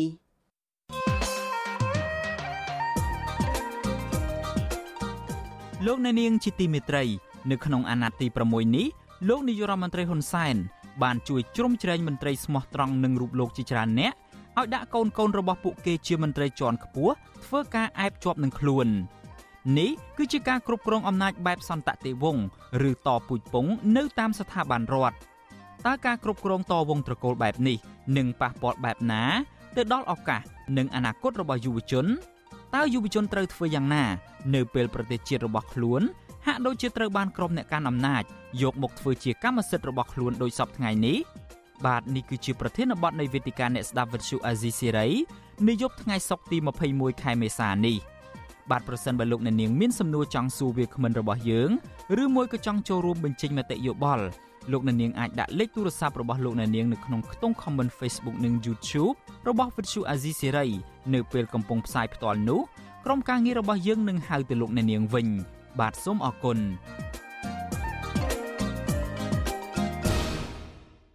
លោកអ្នកនាងកញ្ញាជាទីមេត្រីចាព័ត៌មានតកតងនឹងអំពើជួញដូរមនុស្សវិញម្ដង ចាស់សមត្ថកិច្ចបានជួយសង្គ្រោះជនបរទេសជាង2000នាក់ពាក់ព័ន្ធនឹងករណីជួញដូរមនុស្សនៅក្នុងរយៈពេល8ខែមកនេះហើយពួកគេភ័យច្រើនត្រូវបានអាជ្ញាធរកម្ពុជា បញ្ជូនត្រឡប់ទៅប្រទេសកំណើតវិញកាសែតភ្នំពេញប៉ុស្តិ៍ចុះផ្សាយកាលពីថ្ងៃទី19ខែមេសាដោយស្រង់សម្ដីរបស់អ្នកនាំពាក្យក្រសួងមហាផ្ទៃលោកខៀវសុភ័ក្រថាចាប់ពីថ្ងៃទី18ខែសីហាឆ្នាំមុន រហូតដល់ថ្ងៃទី17ខែមេសាឆ្នាំ2023នេះសមត្ថកិច្ចបានឆ្លើយតបទៅនឹងបណ្ដឹងរឿងជួញដូរមនុស្សចំនួន850បណ្ដឹងលោកបន្តថាបណ្ដឹងស្នើសុំជំនួយទាំងនេះភាគច្រើនទទួលបានពីក្រុមគ្រួសារជនរងគ្រោះនិងខ្លះទៀតបានមកពីជនរងគ្រោះផ្ទាល់តែម្ដងលោកខៀវសុភ័ក្រអះអាងថាបច្ចុប្បន្នបណ្ដឹងរឿងជួញដូរមនុស្សបានថយចុះប៉ុន្តែលោកមិនបានបញ្ជាក់ពីតួលេខនៃការថយចុះនោះទេរបាយការណ៍របស់ក្រសួងមហាផ្ទៃឲ្យដឹងថា ក្នុងប្រតិបត្តិការរយៈពេល8ខែមកនេះសមត្ថកិច្ចបានចាប់ខ្លួនជនសង្ស័យជាង100នាក់បិទក្រុមហ៊ុនចំនួន5និងផ្អាកដំណើរការក្រុមហ៊ុនមួយចំនួនទៀតដើម្បីដំណើរការស៊ើបអង្កេតតាក់ទងនឹងរឿងជួញដូរមនុស្សនេះក្រសួងការបរទេសសហរដ្ឋអាមេរិកបានទម្លាក់ចំណាត់ថ្នាក់កម្ពុជាមកកម្រិតទី3អាក្រក់បំផុតពុំធ្លាប់មានចាប់តាំងពីឆ្នាំ2015មកក្នុងរបាយការណ៍ស្ដីពីការជួញដូរមនុស្សឆ្នាំ2022ចំណាត់ថ្នាក់អាក្រក់នេះគឺដោយសារតែរដ្ឋាភិបាលកម្ពុជា ពុំបានគោរពបានតាមពេញលេញនៅស្តង់ដារអបបរមាដើម្បីលុបបំបាត់អំពើជួញដូរមនុស្សនិងពុំបានខិតខំប្រឹងប្រែងគួរឲ្យកត់សម្គាល់ក្នុងការប្រយុទ្ធប្រឆាំងនឹងអំពើជួញដូរមនុស្សនោះឡើយ។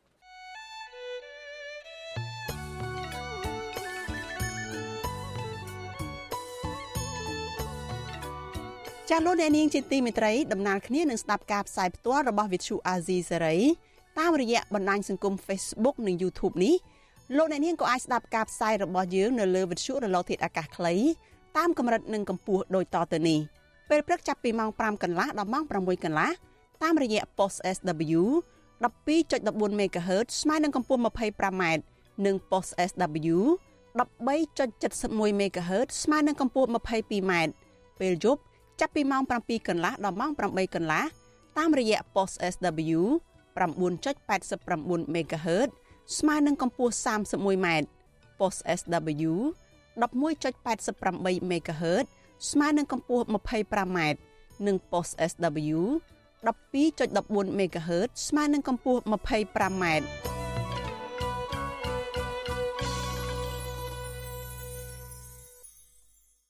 លោកអ្នកនាងកញ្ញាជាទីមេត្រីលោកអ្នកកំពុងតែស្ដាប់ការផ្សាយរបស់ Vithu Azizi Serai ចាប់ព័ត៌មានតកតងនឹងពលករខ្មែរចំណាក់ស្រុកនៅក្នុងប្រទេសថៃឯណោះវិញពលករខ្មែរប្រមាណ2លាននាក់កំពុងធ្វើការនៅប្រទេសថៃប្រើកម្លាំងដើម្បីដូរយកប្រាក់កម្រៃសម្រាប់ការចំណាយលើជីវភាពតម្រូវការចិញ្ចឹមជីវិត និងដោះបំណុលសង្គមស៊ីវិលបារម្ភថាកូនកូនរបស់ពលករទាំងនោះស្មើនឹងស្ទើរ100%មិនបានចូលរៀនទេ ដែលធ្វើឲ្យពួកគេអាចជួបការលំបាកទៅថ្ងៃអនាគតចាលោកនៅវណ្ណរិន រាយការណ៍ពិស្ដារជុំវិញស្ថានភាពរបស់ពលករខ្មែរនៅប្រទេសថៃដូចតទៅមន្ត្រីសង្គមស៊ីវិលធ្វើការងារលើកកម្ពស់សិទ្ធិពលករចំណាក់ស្រុកបង្ហាញការព្រួយបារម្ភថាកូនកូនរបស់ពលករចំណាក់ស្រុកនៅប្រទេសថៃដែលមិនបានចូលរៀននឹងជួបការលំបាកនៅក្នុងជីវិតនៅពេលអនាគត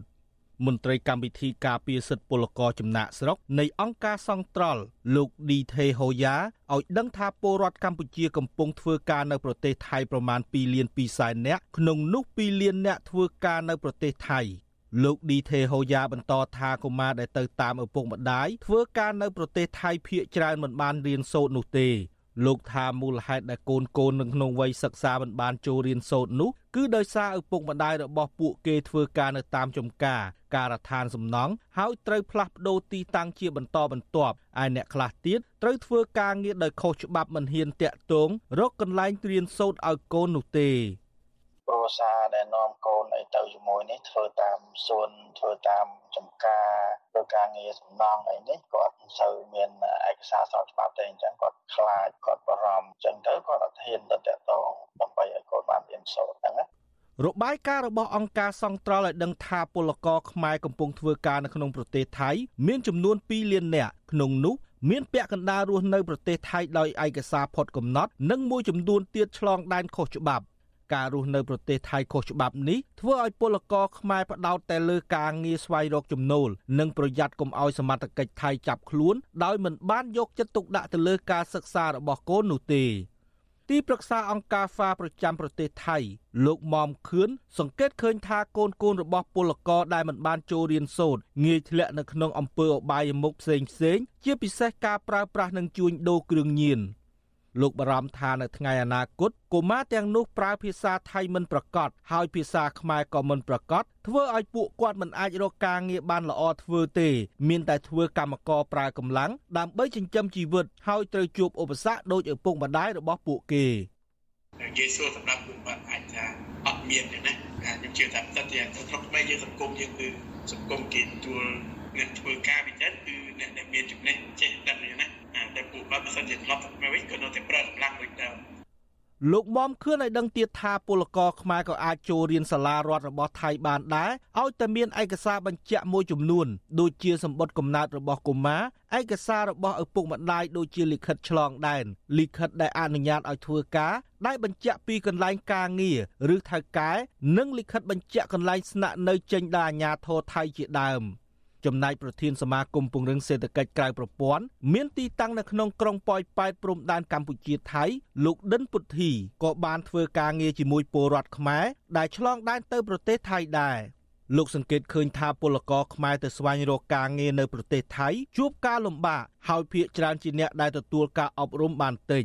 លោកដិនពុទ្ធីជំរុញឲ្យទូតកម្ពុជាប្រចាំប្រទេសថៃយកចិត្តទុកដាក់នៅក្នុងករណីនេះជួយសម្របសម្រួលឲ្យមានការរៀនសូត្រក្រៅម៉ោងនៅក្នុងសហគមន៍ដែលពលកររស់នៅ រដ្ឋាភិបាលក៏ដូចជាស្ថានទូតខ្មែរនេះគួរតែចាត់វិធានការយ៉ាងណាឲ្យមានគ្រូបរិយាតាមសហគមន៍នៅតាមបន្ទប់ជួលរបស់គាត់នេះទៅឧទាហរណ៍តែបើសិនជាបន្ទប់ជួលនឹងមានពលករនឹងរាប់រយនាក់ឬក៏ក្មេងៗ4 10នាក់យើងអាចជួលគ្រូម្នាក់អីចឹងទៅឲ្យគាត់ព្រៀនទៅអ្នកណាដែលមានចំណេះដឹងគួរសមមានសញ្ញាបត្របាក់ឌុបអីពលករមួយចំនួនក៏គាត់មានសញ្ញាបត្របាក់ឌុបដែរអ្នកខ្លះក៏មានឌីប្លូមអីចឹងទៅអាចបង្រៀនបានហើយ ពពលករកំពុងធ្វើការនៅក្នុងរោងចក្រថៃ លោកស្រីអ៊ុងសារីវ័យ39ឆ្នាំ មានកូន2នាក់នៅជាមួយម្នាក់11ឆ្នាំ និងម្នាក់ទៀត9ឆ្នាំលោកស្រីឲ្យដឹងថារូបគាត់ធ្លាប់ទិញសម្លៀកបំពាក់សម្រាប់កូនចូលរៀននៅសាលាថៃដែរក៏ប៉ុន្តែលោកស្រីថាដោយសារតែឯកសារមិនគ្រប់គ្រាន់ទើបសាលានៅទីនោះមិនទទួលលោកស្រីអ៊ុងសារីរៀបរាប់ដោយក្តីបារម្ភថាពួកគាត់មិនចេះអក្សរជួបការលំបាកច្រើននៅក្នុងជីវិត ហើយមិនចង់ឲ្យកូនកូនជួបការលំបាកដូចលោកស្រីនោះទេពួកខ្ញុំធ្លាប់ងឹតងងចឹងខ្ញុំមិនបានរៀនសូត្រចឹងខ្ញុំពេលពិបាកដែរខ្ញុំខ្ញុំចង់ដឹងថ្ងៃមុខខ្ញុំមិនដឹងពេលយើងពិបាកចិត្តតែយើងមិនដឹងទៅមកយើងគ្រាន់ចឹងនៅស្រុកគេមិនដឹងទៅចេះតាមនឹងចឹងណាចង់ឲ្យកូនចេះរៀនចេះសូត្រដល់មិនដឹងធ្វើម៉េចយើងវាតល់ទៅស្រុកនេះក៏មិនរៀនសល់អីខ្មាស់គេចឹងក៏លែងចង់ទៅស្រុកចង់នៅស្រុកគេចឹងទៅ ពលករម្នាក់ទៀតធ្វើការសំណង់នៅក្នុងប្រទេសថៃលោកហាក់ស្លូអាយុ38ឆ្នាំឲ្យដឹងថាកូនរបស់លោក មាន3នាក់គឺអាយុ12ឆ្នាំ8ឆ្នាំនិងអាយុ4ឆ្នាំ កំពុងរស់នៅប្រទេសថៃជាមួយលោកដោយមិនបានចូលរៀនសូត្រនោះទេលោកបន្តថាក្តីរំពឹងនៅក្នុងជីវិតរបស់លោកសង្ឃឹមថាស្ថានទូតខ្មែរឬអង្គការសង្គមស៊ីវិលអាចជួយសម្របសម្រួលឲ្យកូនកូនរបស់លោកចូលរៀននៅសាលាថៃជាធម្មតា បងខ្ញុំថាល្អបដ ாய் បងល្អគឺល្អពោះវាល្អបដ ாய் បងក្នុងជីវិតមានអីល្អជាងនេះទេបាទតែមានតែប៉ុណ្្នឹងហើយថាក្នុងជីវិតរបស់ខ្ញុំបាទចង់ឲ្យកូនរៀនប៉ុណ្្នឹងហើយវិទ្យុអាស៊ីសេរីបានតាក់ទងសុំការអធិប្បាយពីលោកជុំសំភ័សមន្ត្រីអនុព័ន្ធការងារស្ថានទូតកម្ពុជាប្រចាំនៅប្រទេសថៃនិងតាក់ទងទៅលេខប្រចាំការរបស់ស្ថានទូតតែមិនមានអ្នកទទួល មកទល់ពេលនេះมันមានឯកសារពីចំនួនជាក់លាក់របស់កុមារនៅជាមួយពលករខ្មែរធ្វើការនៅប្រទេសថៃនោះទេប៉ុន្តែបើតាមអ្នកសារព័ត៌មានអាស៊ីសេរីសាកសួរផ្ទាល់គឺពលករចន្លោះពីវ័យ20ទៅ40ឆ្នាំដែលមានកូនតូចតូចឬកូនពេញវ័យក្រោម15ឆ្នាំពួកគេយកទៅធ្វើការនៅថៃជាមួយគ្នាដោយសារតែនៅស្រុកកំណើតមិនមានអ្នកមើលថែឬបារម្ភពីគ្រោះថ្នាក់ផ្សេងផ្សេងខ្ញុំបាទនៅវណ្ណរិន with Chu Azizi Saray ពីរដ្ឋធានី Washington Música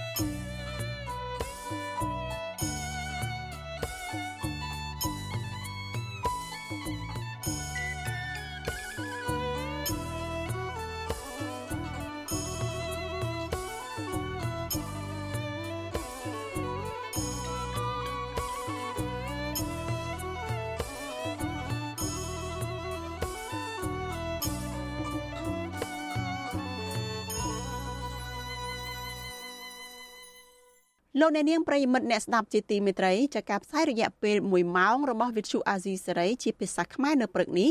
ចាប់ត្រឹមតែប៉ុណ្ណេះនាងខ្ញុំសុជីវីព្រមទាំងក្រុមការងារទាំងអស់នៃវិទ្យុអាស៊ីសេរីសូមជូនពរដល់លោកអ្នកនាងកញ្ញានិងក្រុមគ្រួសារទាំងអស់សូមប្រកបតែនឹងសេចក្តីសុខចាស់ចម្រើនរុងរឿងកុំបីឃ្លៀងឃ្លាតឡើយនាងខ្ញុំសូមអរគុណនិងសូមជម្រាបលា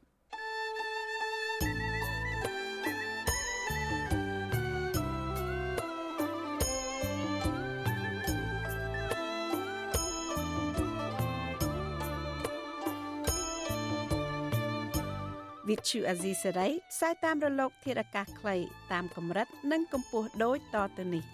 ពេលព្រឹកចាប់ពីម៉ោង5កន្លះដល់ម៉ោង6កន្លះតាមរយៈប៉ុស SW 12.14 MHz ស្មើនឹងកម្ពស់ 25m និងប៉ុស SW 13.71 MHz ស្មើនឹងកម្ពស់ 22m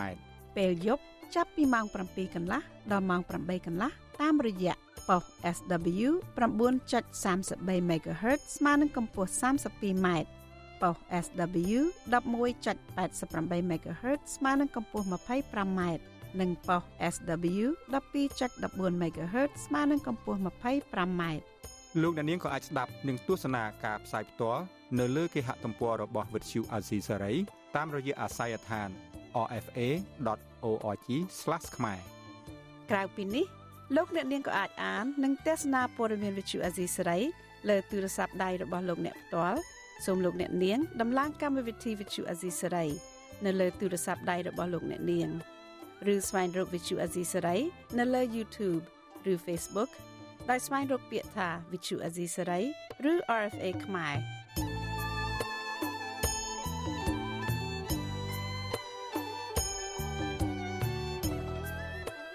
សូមលោកអ្នកនាងចុច like follow និងចុច subscribe ដើម្បីទទួលបានព័ត៌មានថ្មីៗទាន់ហេតុការណ៍ និងទស្សនាវីដេអូផ្សេងៗទៀតបានគ្រប់ពេលវេលា។